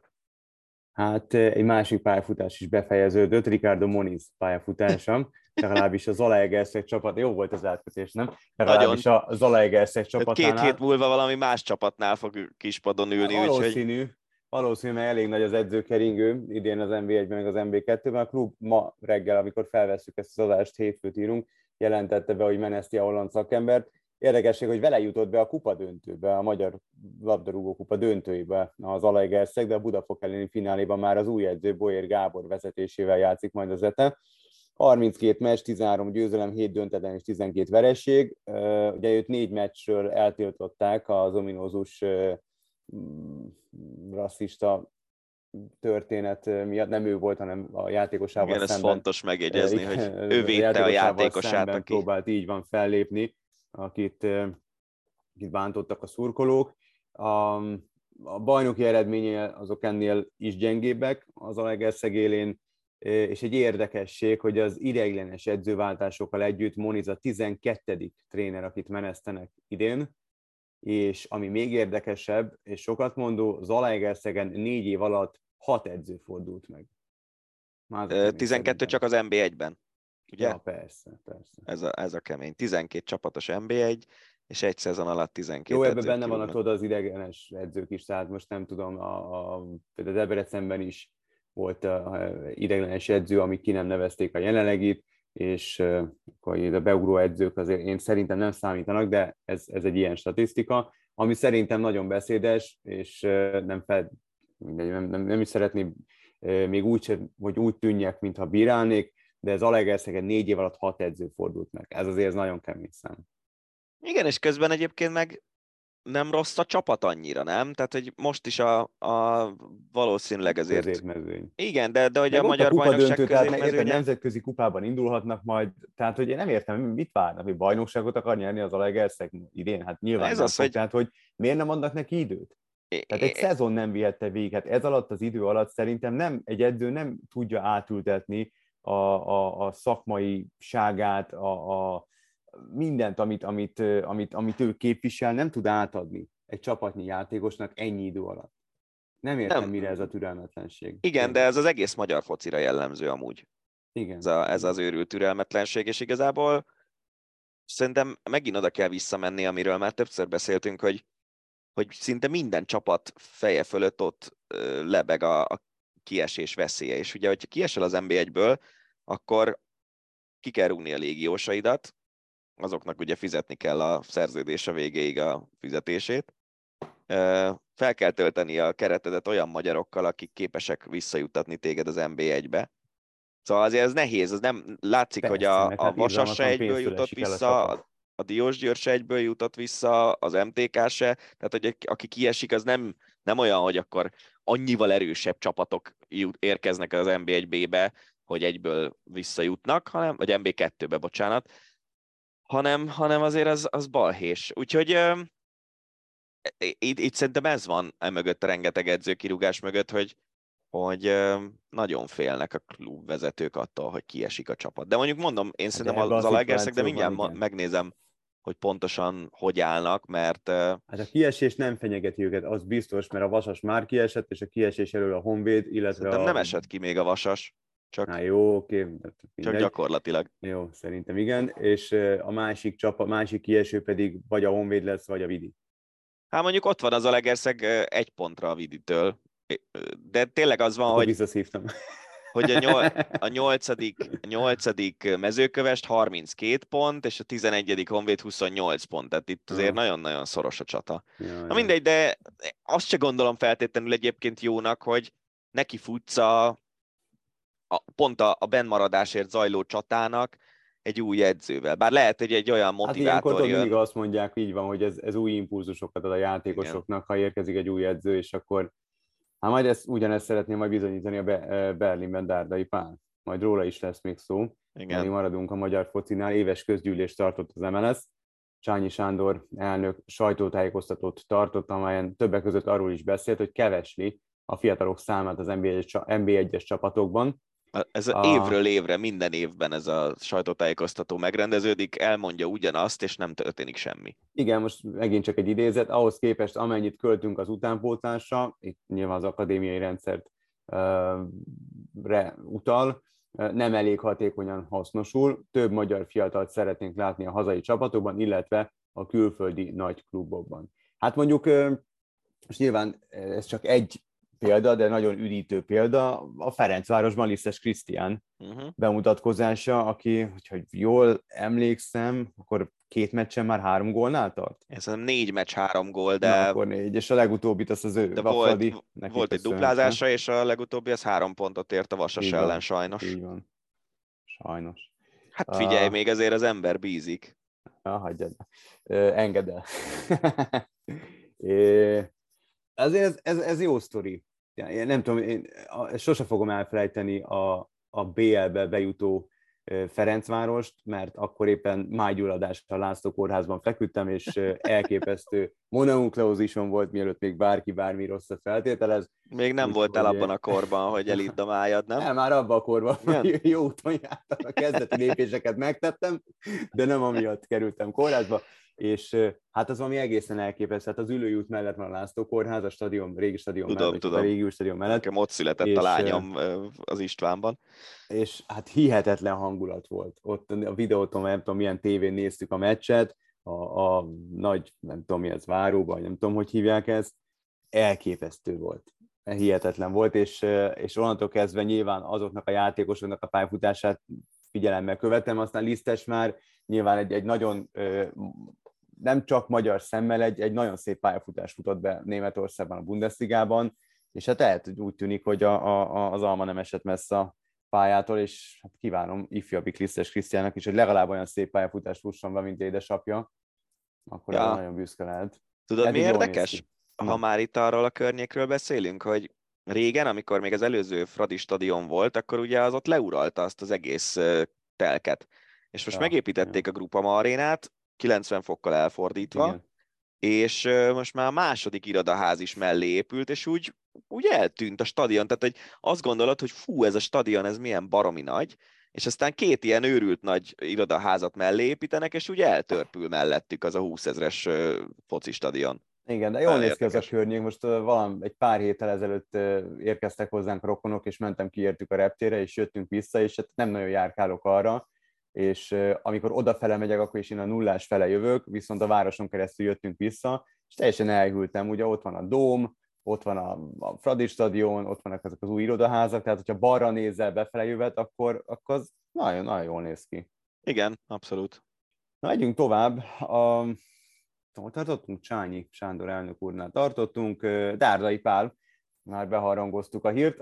Ugye egy héttel ezelőtt beszámoltuk róla, hogy Dárdai Pál lett a Herta edzője, neki kéne megmentenie, ki tudja hanyatszóra a berlini klubot, most jelen esetben a kieséstől. Hát az első meccs az nem sikerült túl jól, 4-2-re kikaptak, aztán a másnapi edzésen Dárdai elküldte nem túl finom búcsúzó szöveggel horvát válogatott játékosát, Iván Sunyicsot az edzésről. Hát nem idézem, hogy mit mondott, de egy B meg azért benne volt ebben a ebben a párbeszédben, és Diri Hálman, a Bayern München korábbi remek német válogatott labdarúgója elég éresen bírálta ugye Liverpoolba is játszott Hálman, és most a Sky Sportsnak a szakkommentátora, és hát nem megy a szomszédba egy jó kis bírálatért, hogy általában mindenkibe bele tud állni, és ez alól nem volt kivétel a Dárdai Pán sem.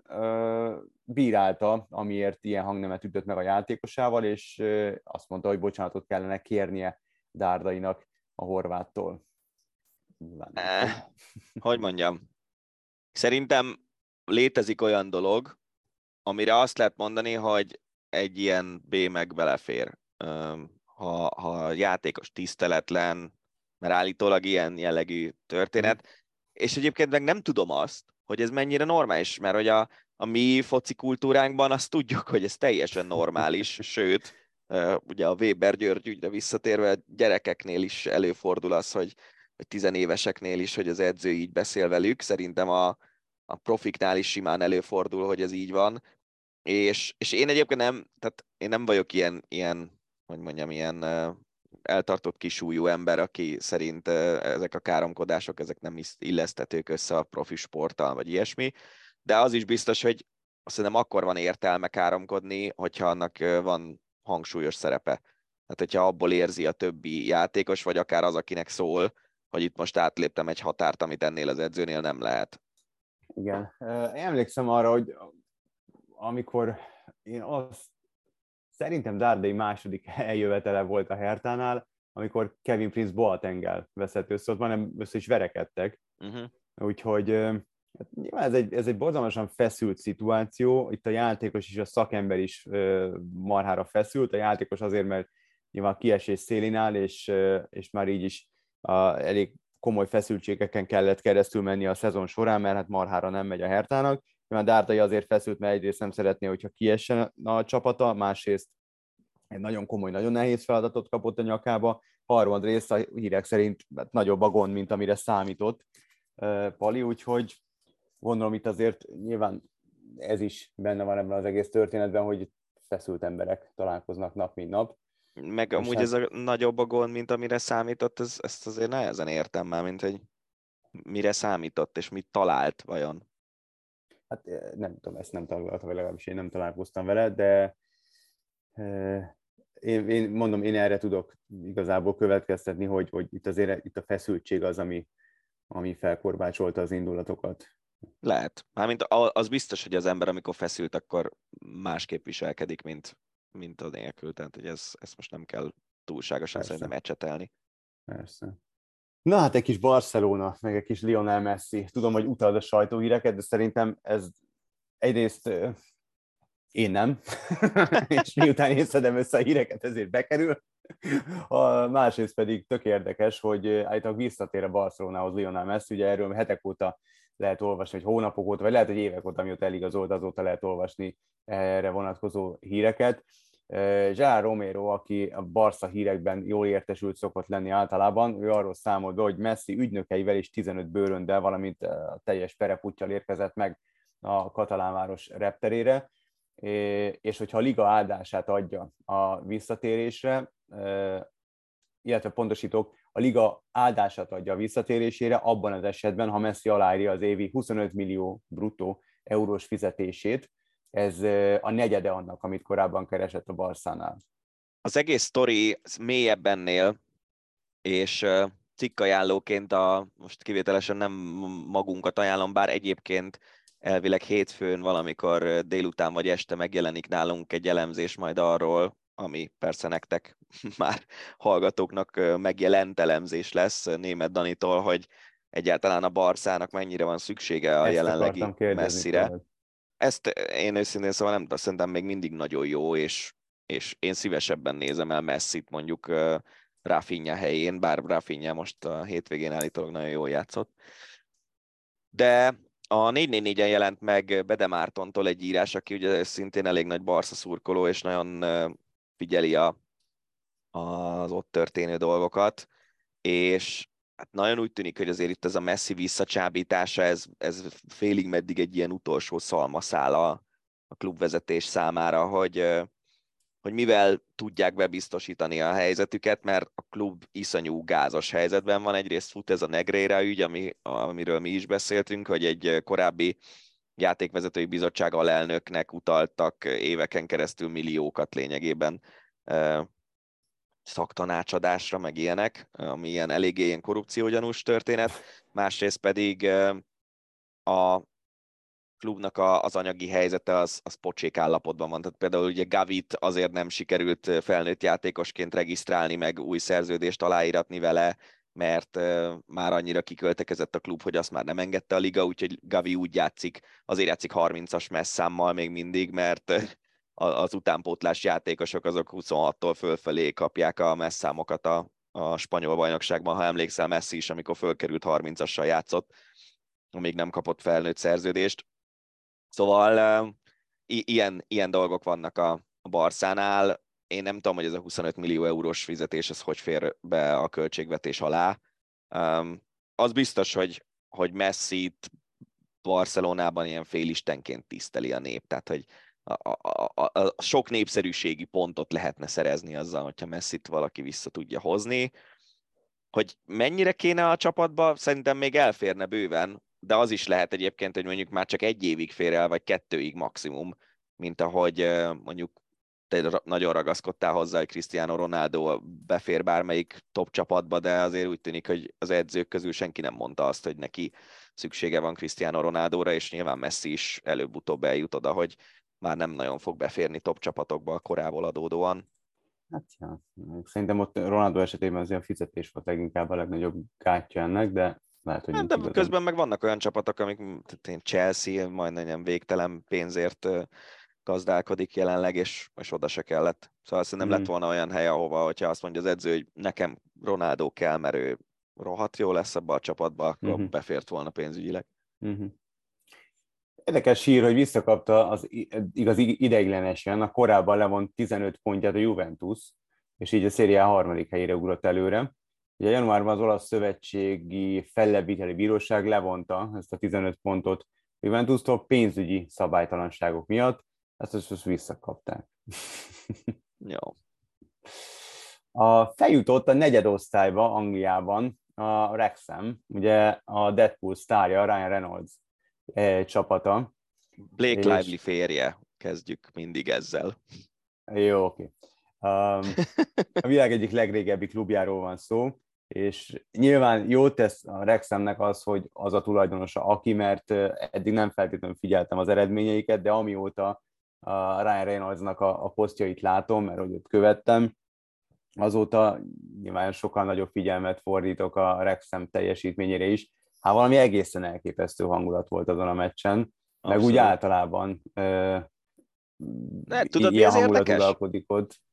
No. Volt a, a Sunderland Till I ezt te is nézted, nem? Néztem, igen.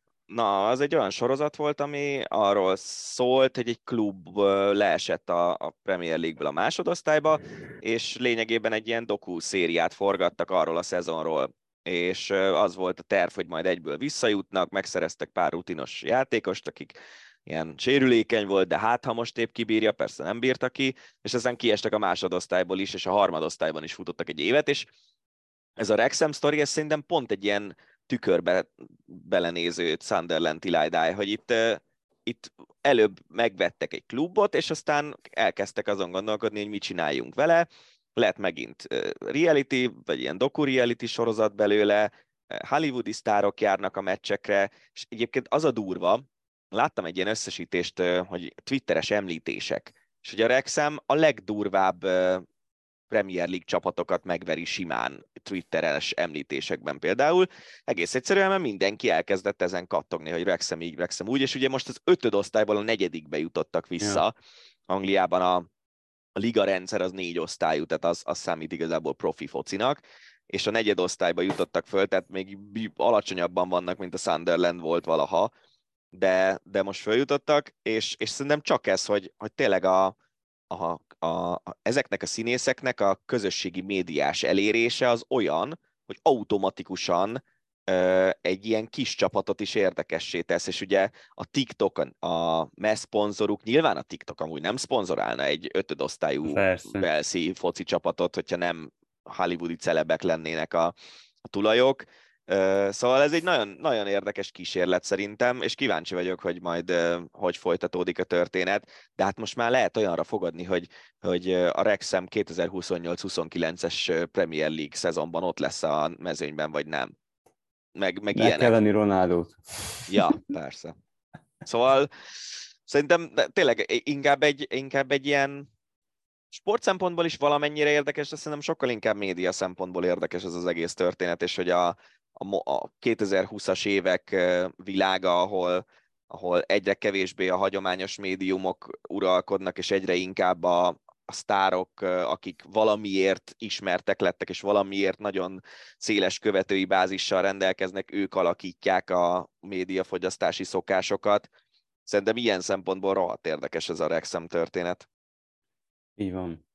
Hát érdekes Cristiano Ronaldo sztoria is, aki nemes egyszerűséggel földhöz vágta ellenfelét az Al Nasser al Itihad elleni 2-0-ra elveszített bajnokián a szaudi élvonal 25. fordulójában, aztán a portugálok ötszörös aranyabdás klasszis a mérkőzés végén elég nehezen tudta tűrtőztetni magát, amikor a szurkolók Lionel Messi-t éltették, és nem őt, és hát a nemi szervének a megfogásával és mutogatásával reagált, ami itt most így vicces, ott viszont nagyon komoly bűncselekménynek számít, és akár ki is toloncolhatják az, orsz- az országból, de hát ezt a Al Nasser piárosai remekül profi megoldották, és azt a nyilatkozatot adták ki, hogy Ronaldo ágyéksérülés szenvedett, és ezért fogdosta a micsodáját. Emlékszel, hogy úgy kezdődött az egész, hogy ő nem él házasságban a gyermekei nagy részének az éle, édesanyjával, a párjával, és a házasságon kívüli, nem tudom, hogy a szex vagy az együttlakás, ami bűncselekmény Szaúd-Arábiában, de hát nyilván Ronaldot nem fogják lecsukni azért, mert mutogatta a pöcsét a szurkolóknak, tehát hogy ezért vannak, vannak törvényen fölüli emberek szerintem Szaúd-Arábiában, viszont az ilyen történetek azért elég jól megmutatják azt, hogy ebből a ligából miért nem lesz soha igazán komoly bajnokság szerintem. Hogy értem? Mert, mert most gondolj bele, hogyha te élhetsz, mit tudom én, Amerikában, jó, most lehet, hogy nem keresel meg annyi pénzt, vagy, vagy élsz valamilyen európai országban sokkal, hát a, a te kulturális neveltetésednek jobban megfelelő helyen, uh-huh. ha európai játékosként csábítanak téged Szaúd-Arábiában. Én például tényleg szerintem Szaúd-Arábiában vannak ilyen elképesztően érdekes helyek, de engem az egész egy picit se vonz amiatt, hogy, hogy egy ennyire beszűkült rendszer van ott, ahol mm. tényleg igazából véletlenül is csinálhatok valami teljesen természetes dolgot, és akkor lecsuknak meg, mit tudom én, micsoda.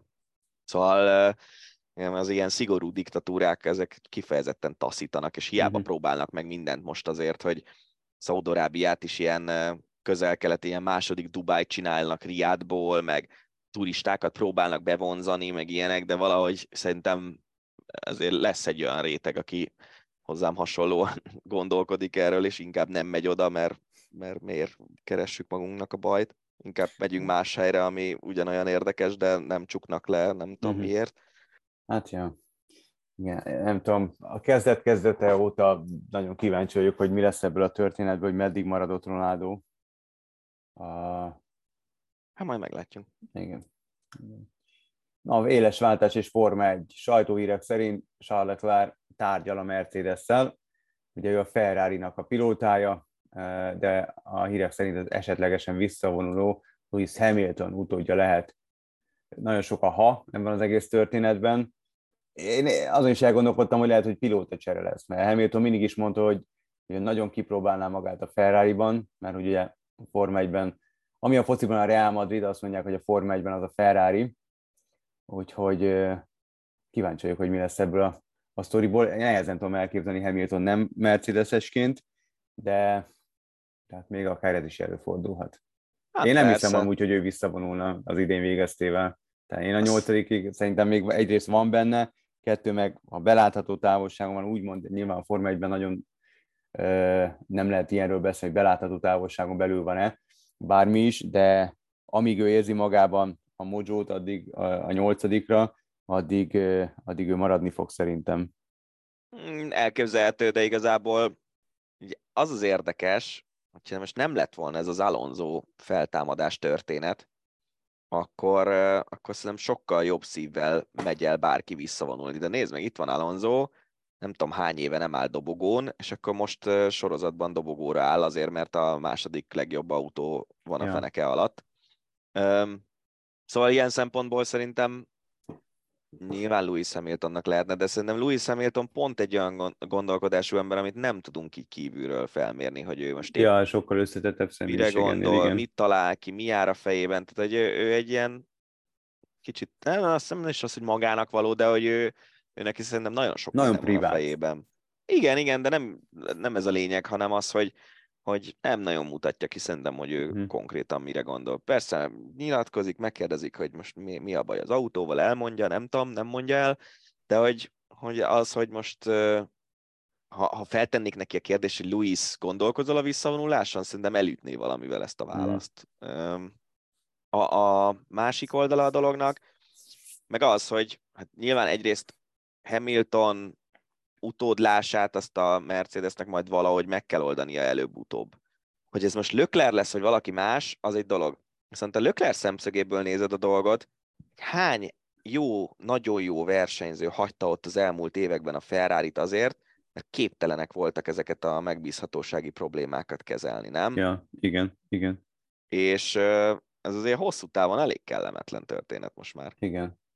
Ez olyan, mint a ilyen, ilyen pilóta temető. Most tudom, hogy ez enyhe túlzás, de ha megnézed, Sebastian Fettel is a, a Red Bulltól átnyergelt a Ferrari-ra, és ott, ott volt a vége igazából. Tehát nem azt mondom, nyilván ért el eredményeket, meg nyert futamokat, meg volt, jól emlékszem, VB második Hamilton mögött, de hogy nem nyert, és itt ezen a szinten, ahol Leclerc vagy, vagy Fettel, vagy akár a Ferrari és a Mercedes is áll, a, nyilván a VB címben mérik a sikert, nem dobogókban, meg meg ebben-abban pontszerző helyekben. Igen, és ráadásul a Ferrari tényleg azért nagyon régóta próbál visszamászni arra a szintre, ahol Schumacher idején volt, és, és mindig valami megakadályozza őket ebben. Szóval egy, egy idő után szerintem el, elfogy a bizalom a, a csapat Igen. irányába, és persze fiatalon odaigazolsz egyik legjobb csapathoz, akár még kicsit ilyen tapasztalt a versenyzőként, mint Sainz is odaész, hogy fú, akkor most a McLarenhez képes szintet lépek a Ferrari-val, csak aztán amikor VB címet akarsz nyerni, akkor szembesülsz azzal, hogy egyrészt a Ferrari azért nem volt, vagy maximum rövidebb időszakokra volt a leg, leggyorsabb autó az elmúlt években, általában azért vagy a Mercedes, vagy a Red Bull volt a leggyorsabb autó, másrészt meg amikor ők voltak a leggyorsabbak, akkor is állandóan kiestek ilyen-olyan mm. problémák miatt. Igen. Igen. Hát előbb említettem Mihály Schumacher nevét, mintha csak tudtad volna, hogy mi következik. A, kiverte a biztosítékot Németországban a Diaktuelle, nem csak Németországban, szerintem világszerte mindenhol, ahol értesültek erről a hírról. Szóval, hogy a múlt heti számában egy olyan címlapot hozott le, ami így szólt, világszenzáció az első interjú Mihály Schumacher arcával jelent meg. Azt a láthatót keltették, mintha exkluzív interjút készítettek volna Mihály Schumacherrel, a, aki ugye már tíz éve a szenvedett síbalesetet, és azóta semmit nem lehet tudni róla, hogy csak igazából plegykákat, hogy hogy van, hogy él, a, hogy éli a mindennapjait, a, a család az teljesen elzárkózott a külvilágtól, védik Mihály Schumert és a személyiségi jogait, és hát a mesterséges intelligencia közreműködésével készült ez az interjú, és olyan részletek is napvilágot láttak, illetve olyan részletek is kiderülnek az újságcikkből, hogy olyan mondatokat adtak egészen pontosan Zsumer szájában, ami így hangzott, hogy, hogy fel tudtam állni, stb. stb. Tehát, hogy elképesztő, hogy hogy az emberek hova képesek süllyedni. Ez mindig megdöbbenek ezeken, pedig lehet, hogy nem is kéne. Látod? Mindig van lejjebb. Nem is azt akarom mondani, hanem hogy itt van az emberiség. Olyan technológiai szinten áll, mint még soha. A kezünkben ott van a világ összes információja, közösségi média, és minden ilyet, amit kitalál valaki azért, hogy jobbá tegye az emberiséget, baromságokra használjuk. Ja. Nem? Itt van ez a mesterséges intelligencia, egyébként én tőlem egy, valamiért én, engem nagyon taszít ez az egész. Szerintem sokan vannak úgy, hogy így nagyon érdeklődéssel állnak hozzá, meg ilyesmi. de valahogy engem, engem taszít ez a dolog, tehát én, én nekem az nem annyira tetszik, hogy amikor tudom én, dalszövegeket íratnak a mesterséges intelligenciában, akkor minek vagyunk mi a Földön. Mm. Meg, meg ilyen, ilyen jellegű dolgok, és persze el lehet rögcsélni, hogy mit tudom én, írjál egy Ákos stílusában dalt arról, hogy nem tudom, jó füvet szívni, és akkor, hogy mi az eredmény, de hogy, de hogy tényleg e, erre akarjuk használni a dolgainkat, és hogy itt van ez, hogy ChatGPT tényleg egy csomó minden érdekességet tud, bár csomó mindent meg rosszul, és akkor arra használjuk fel, hogy Michael Schumacher szájába adunk vele dolgokat. Amit egyébként egy ember is nyugodtan leírhatott volna, tehát kamu interjút csinálni, az bárki tud. És ez, ez ugyanúgy kamu interjú, hogyha én írtam volna meg. Persze. Beperelték természetesen az újságot, de aztán kirúgták az újságírót, és hát így a család elállt a pertől. Ez a, Na jó, nem tudom, hogy, nem tudom, hogy milyen, milyen jellegű izé, ilyen struktúra van ennél az újságnál, de nálunk szerintem ilyen nem jelenhetne meg. Hát ez meg a másik, hogy ott azért az át kellett, hogy menjen egy olvasószerkesztő, meg egy főszerkesztő kezén, és ezek mind engedélyt adtak. Tehát a főszerkesztőnek ugyanakkor, ha nem nagyobb felelőssége van ebben az egész Igen. történetben. Igen. Úgyhogy. Úszás. Bebizonyosodott az, amelyről hát a kulisszák mögött szinte mindenki beszélt és plegykálták. Kenderesi Tamás a két úszó közül az egyik, akit a VADA dopingvédséggel vádol. Egészen pontosan doping eljárás alá vonták a Kenderesi Tamást. Nagyon érdekes igazából az egész történet, illetve az, ahogy Kenderesi és csapata, illetve a család reagált erre az egész történetre. Egy nyílt levelet jelentettek meg, amelyben részletesen leírták, hogy a VADA ekkor és ekkor mit és mit hibázott, illetve hogy ugye ott a biológiai útlevelében útlevelével vannak gondok, amit azzal magyaráznak, hogy vért adott korábban, amelyre a klubja kérte meg rá, életében először, és azt követően ment le edzés, és utána vettek vért, tehát egy elég nagy mennyiségű vérmennyiség hiányzott a szervezetéből, talán nem mondok túl nagy ostobaságot, ha ezt mondom.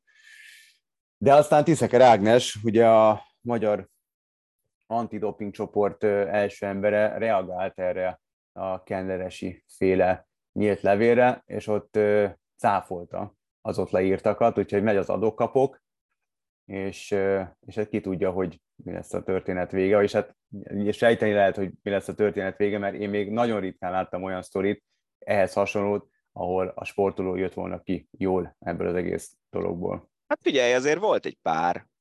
Mint én Chris Froome-nak volt ilyen esete, amikor valamilyen hasonló ilyen nem, az, nem, nem az volt, hogy egyértelműen doping, vagy pozitív doping mintát adott, hanem valami kis probléma volt a biológiai útlevelével, és akkor őt, őt nem is tiltották el, hanem tehát ilyenkor lemegy egy tárgyalás lényegében, és, és a versenyző bemutatja a maga bizonyítékait, a, a antidoping csoport bemutatja maga bizonyítékait, aztán eldöntik, hogy kinek van igaza.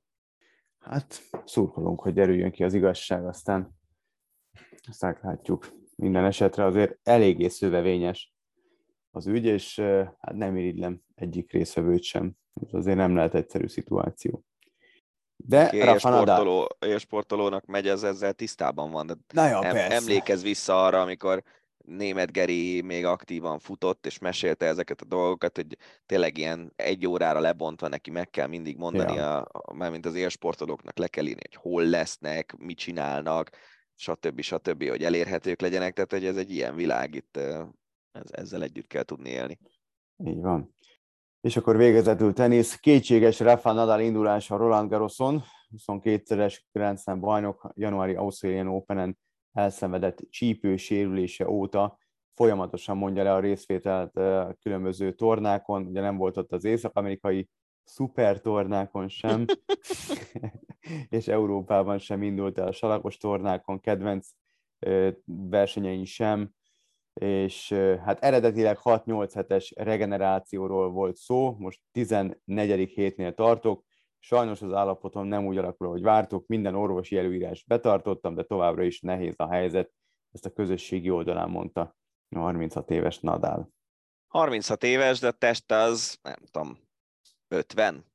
Hát igen, ugyanazt, amit pont a hétvégén az által korábban említett német Gerivel beszélgettünk, Tiger Woodsról, hogy ismét megműtötték, a autóval esetben roncsolódott lábát, a bokáját, mert kezdtek elhalni a csontok, mert nem kapták meg a megfelelő vérellátást, és van egy beavatkozás, ami, ami ezen jókorát lendíthet, és ezt a beavatkozás, vagy ennek a beavatkozásnak alávetette magát. Három-hat hónap a gyógyulási időszak, tehát valószínűleg idén már nem versenyez, de elég nagy százalékban beszélnek arról, vagy elég nagy százalék a gyógyulás esetősége, úgyhogy ha tényleg minden úgy alakul, akkor, akkor sokkal jobb esélyei vannak Tiger Woodsnak arra, hogy végig tudjon sétálni egy szezonban mondjuk négy tornát, és, és be tudja hozni magát a célba, és, és jó, jó formát tudjon mutatni. Tehát ez a két ember, ez ugyanaz számomra, tehát mind a kettőt méretetlenül tudom tisztelni azért, amiért mindent megnyertek már, amit csak meg lehet, nem is egyszer a pályafutásuk során, de még mindig ott van a tűz, még mindig ott van a motiváció, a drive, hogy ők versenyezni akarnak és győzni akarnak, és ezért a nap mint nap tényleg a áldás csatát vívnak a saját testükkel. Igen, biztos tiszt, tehát egy tiszteletre méltó is, ugyanakkor meg, meg ez nehéz kérdés nagyon, mert, mert tényleg ugye Federer már úgy vonult vissza, hogy neki az utolsó tornái, leszámítva persze ezt a Lever kupát, ami ugye kvázi búcsú meccs volt neki, azok, ott már nem az a Federer volt, akibe a rengeteg teniszrajongó beleszeretett, és ugye most is láttam az eurosport.hu egy cikket arra, hogy, hogy féltjük Nadált attól, hogy ne számára méltó módon vonuljon vissza. Hogy tényleg még próbálkozol, próbálkozol, elhúzod, kiesel az 50-ből, 100-ból, miközben minden idők egyik legnagyobb játékosa vagy. Hát, hogy tudni kell megfelelő pillanatban visszavonulni szerintem. Na jó, de hát érted, melyik az a pillanat? Tehát ő sorra nyert. Tehát lehet, hogy most nincs az 50-ben, de, de akkor nem, sem nem volt... nyert sorra. Tehát tavaly évelején sorra nyert, aztán megsérült, visszajött, és nem. Ja. És ak- hát, akkor már nem nyert. Oké, okay, de hát most akkor, akkor, tehát egész addig nyertél, és akkor, amikor megsérülsz, akkor vonulj vissza. Tehát, hogy igazából az hát ő akár, esetében azt de... semmi nem indokolta. De hát akkor de meg az van benned, hogy hát már visszajöttem, nem tudom hányszor, most is vissza fogok jönni, aztán pont Tony Nadal nyilatkozta azt, hogy, hogy akkor fog majd visszavonulni, amikor már esélyét sem látja annak, hogy tornát nyerjen. Um, Lehet.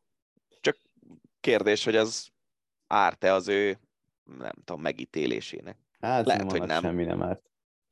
Az ő szintjén. Tehát ő, ő egy olyan tiszta ö, ember, sportember, hogy tehát, itt azt értem ez alatt, hogy mentes mindenféle balhétól, érted? Tiger Woodsnak volt a, a, a megcsalásos balhé, az nyilván ártott, és, és az, az mindig ott lesz a, a megítélésében, mindig jelen lesz, és mindig fel fogják hozni vele kapcsolatban. Um, de Nadal az szinte érinthetetlen. Hát, hogy a 15. Uh, Garosz címet kéne megszereznie, és akkor azt mondaná, hogy csúcson abba hagyni, úgymond. Hát igen, én a 14-nél azt gondoltam, de hát onnan még volt tovább. Na mindegy, majd meglátjuk. Nem tudom. Tehát tényleg a, azt semmiképp sem jó, jó látni, és nem tartunk még itt feltétlenül, csak mondom, mint lehetőség, hogy a világ egyik legjobb, valaha volt legjobb játékos a szenved a pályán, és össze-vissza. De ha megnézed, mondjuk Andy Murray, aki nyilván egy nagyon jó játékos, de nem gondolom azt, hogy Nadal szintje, hanem valamivel alatta van. Ő is mekkorát küzd itt a csípőműtéte óta. Tehát, hogy persze le a kalappal ezek, ezek előtt a játékosok előtt, de van olyan, hogy egy, egy nagyon jó sportoló, akár mondjuk Tom Brady, hogy ne, nem tud mit kezdeni az életével, és nem tud visszavonulni, és azért. És szerintem egy jó sportolónak hozzátartozik a, a tudás tárjához, hogy tudjon jókor visszavonulni. Hát igen, csak ez, ez feltételezem, hogy borzasztóan nehéz, és ebbe, ebbe, ezt el se tudjuk képzelni, hogy ez milyen lehet. Igen, tudom. Tehát én, én most így én De szoktam, értem, mire gondolsz. szoktam gondolni arra magam kis amatőr szintjén, hogy meddig érdemes még kézilabdázni, meg ilyenek.